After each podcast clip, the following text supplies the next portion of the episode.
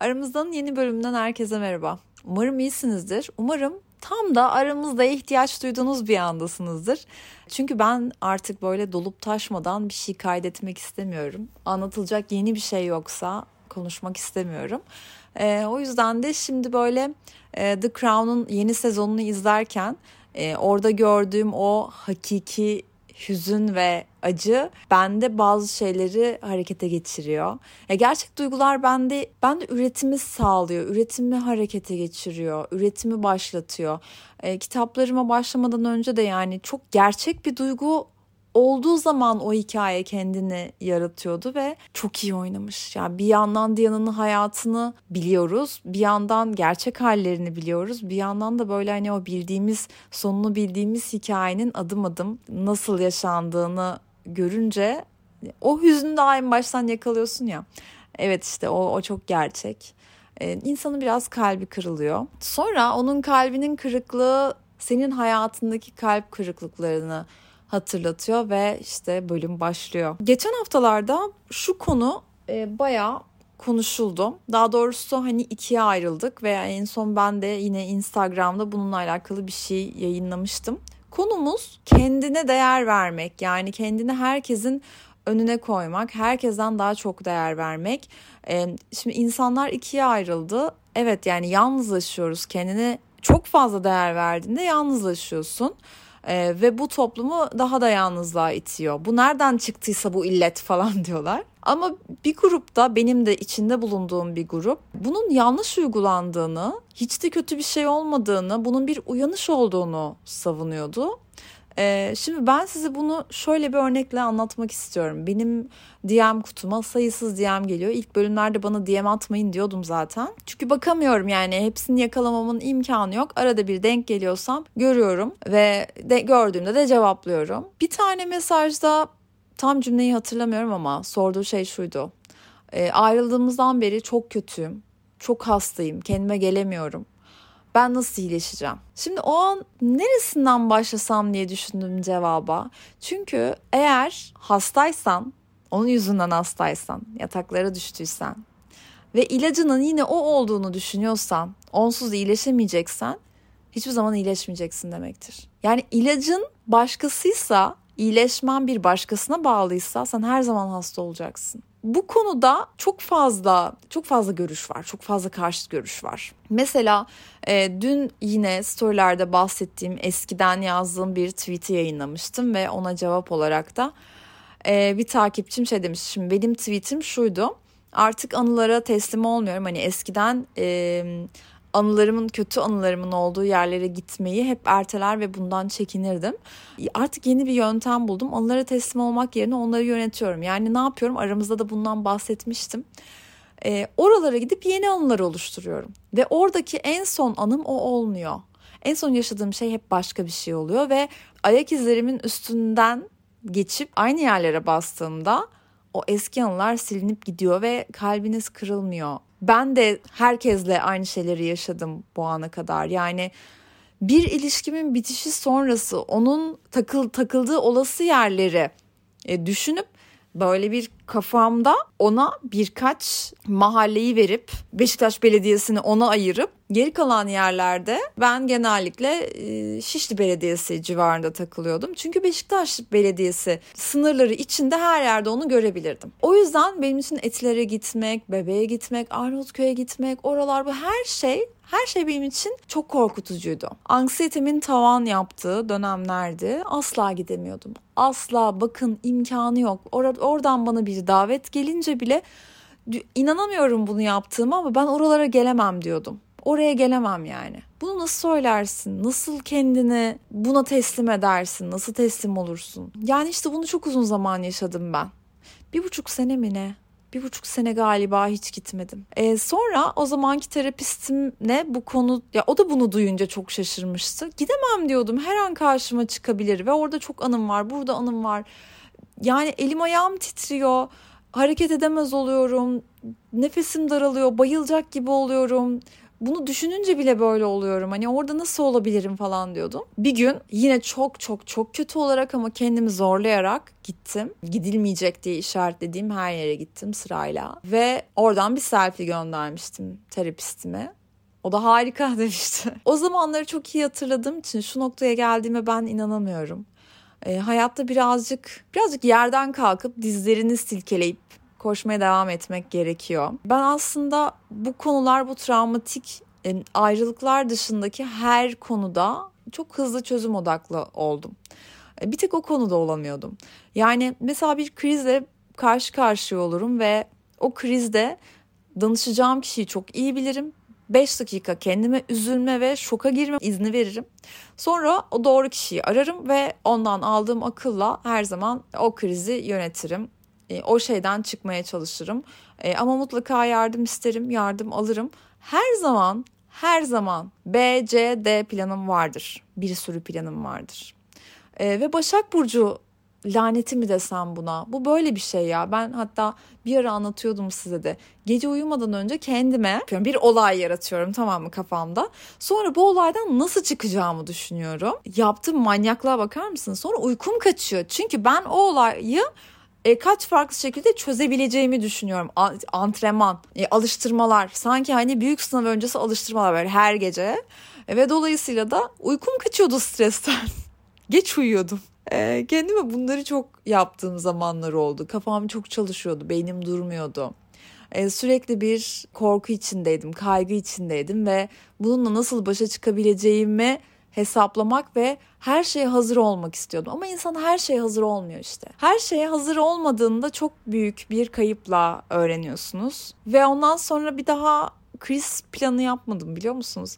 Ama her zaman işte her zaman arayacağım insanlar vardı ve ne yapacağım çok belliydi. Dolayısıyla şimdi de büyük bir aşk acısı yaşamıyor muyum? Ya yaşıyoruz işte hepimiz üzülüyoruz yani birini sevdiğin kadar üzülüyorsun işte. Ama e, tamam bu iş oldu bitti bu iş geri dönülmez bir noktada.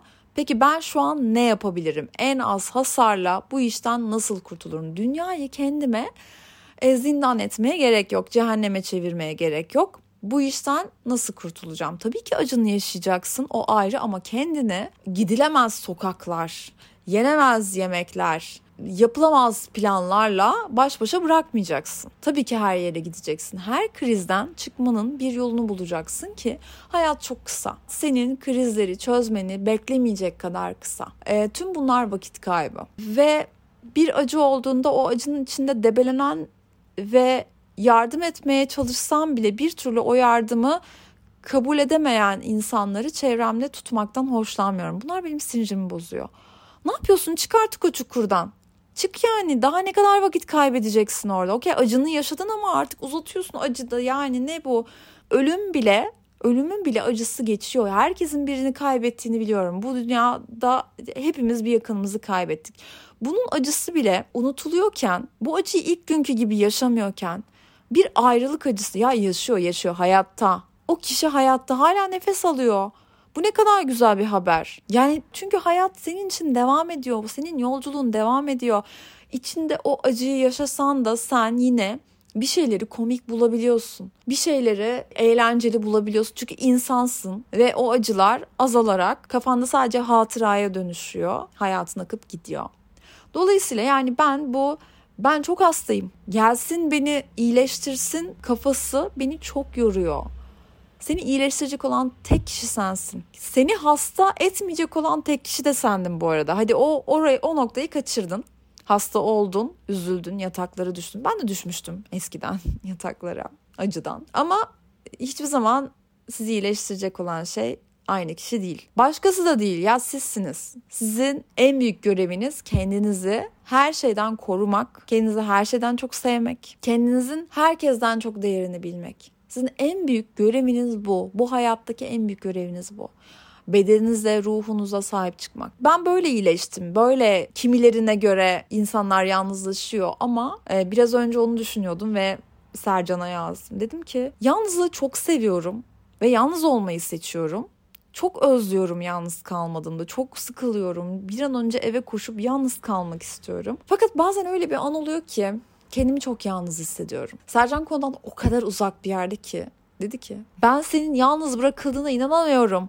Nasıl sen senin hayatında şu an biri olmaz? Bu yalnızlık o yalnızlık değil ama ona bir şey demedim. Çat diye yalnız hissettiğiniz anlar oluyordur sizin. Benim benim bu ara oluyor. Bu dolunay etkisiyle oluyor olabilir. Oturup böyle kara kara düşünmek. Ama bu yalnızlığın kendi seçimim olduğunu kendime hatırlatıyorum. Yani diyorum ki okey Fundacığım sen şu an yalnız hissediyorsun. Peki ne yapmak isterdin? Nerede kimle olmak isterdin?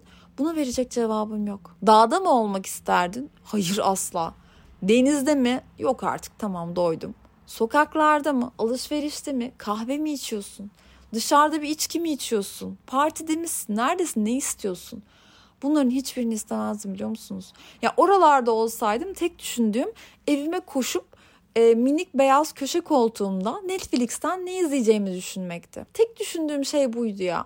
Tek özlediğim şey, özlemini duyduğum şey. Çünkü ben evden her uzaklaştığımda evimi inanılmaz özlüyorum. Evdeki rutinlerim, yaptığım yemekler, sporum, kendime verdiğim molalar, işim, gücüm. Bunu çok seviyorum ve düzenimin bozulmasını istemiyorum. Ah ama işte bir yandan da tabii ki hani aşk hayatı nasıl gidiyor deseniz aşk hayatı kendinizi önemsemekle alakalı kötü gitmiyor biliyor musunuz? Kendinizi çok önemsemekle alakalı değil. Yani bir yerden sonra insanlara karşı bir şey hissetmek ve onlardan hoşlanmak çok zorlaşıyor. Çok zor. 20'lerde çok kolay hoşlanıyordum. 20'lerin başında pat aşık oluyordum. Üçüncü dakikada. Üçüncü dakikada dünya duruyor ve ben aşığım artık. 30'larda da öyle devam etti ama son böyle iki senedir yok ya yok biri de aşık olmam için ne gerekiyor ben bile bilmiyorum. Evet hoşlanıyorum, çok hoşlanıyorum, çok heyecanlandırıyor bazı insanlar tabii ki beni. Yani yalnız mıyım yani hep yalnız mıyım? Tabii ki değilim ama aşık olmak çok acayip geliyor bana yani çok büyük bir şey.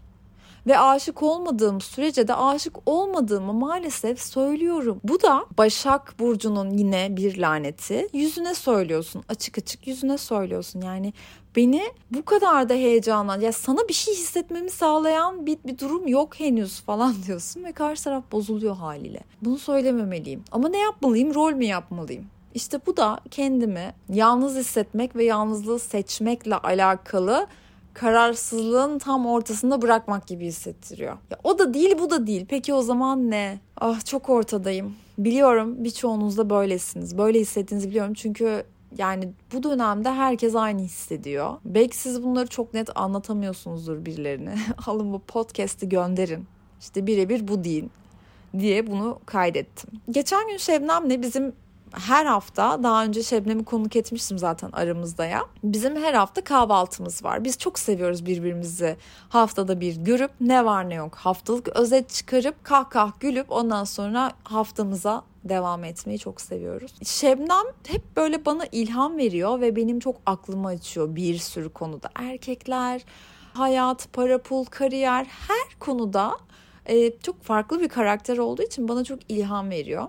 Geçen gün bana dedi ki ya Fundacığım sen dedi bir marka kurmak istemez misin? Hani bir markan olsun senin de. Bazı insanlar marka kuruyor, mağaza açıyor, bir şey bir şey. Ama benim hayatım boyunca hiç hayalim marka kurmak olmadı. Yani ben hayatta hiçbir şeye, bakın hiçbir şeye tutkuyla bağlı olmadım.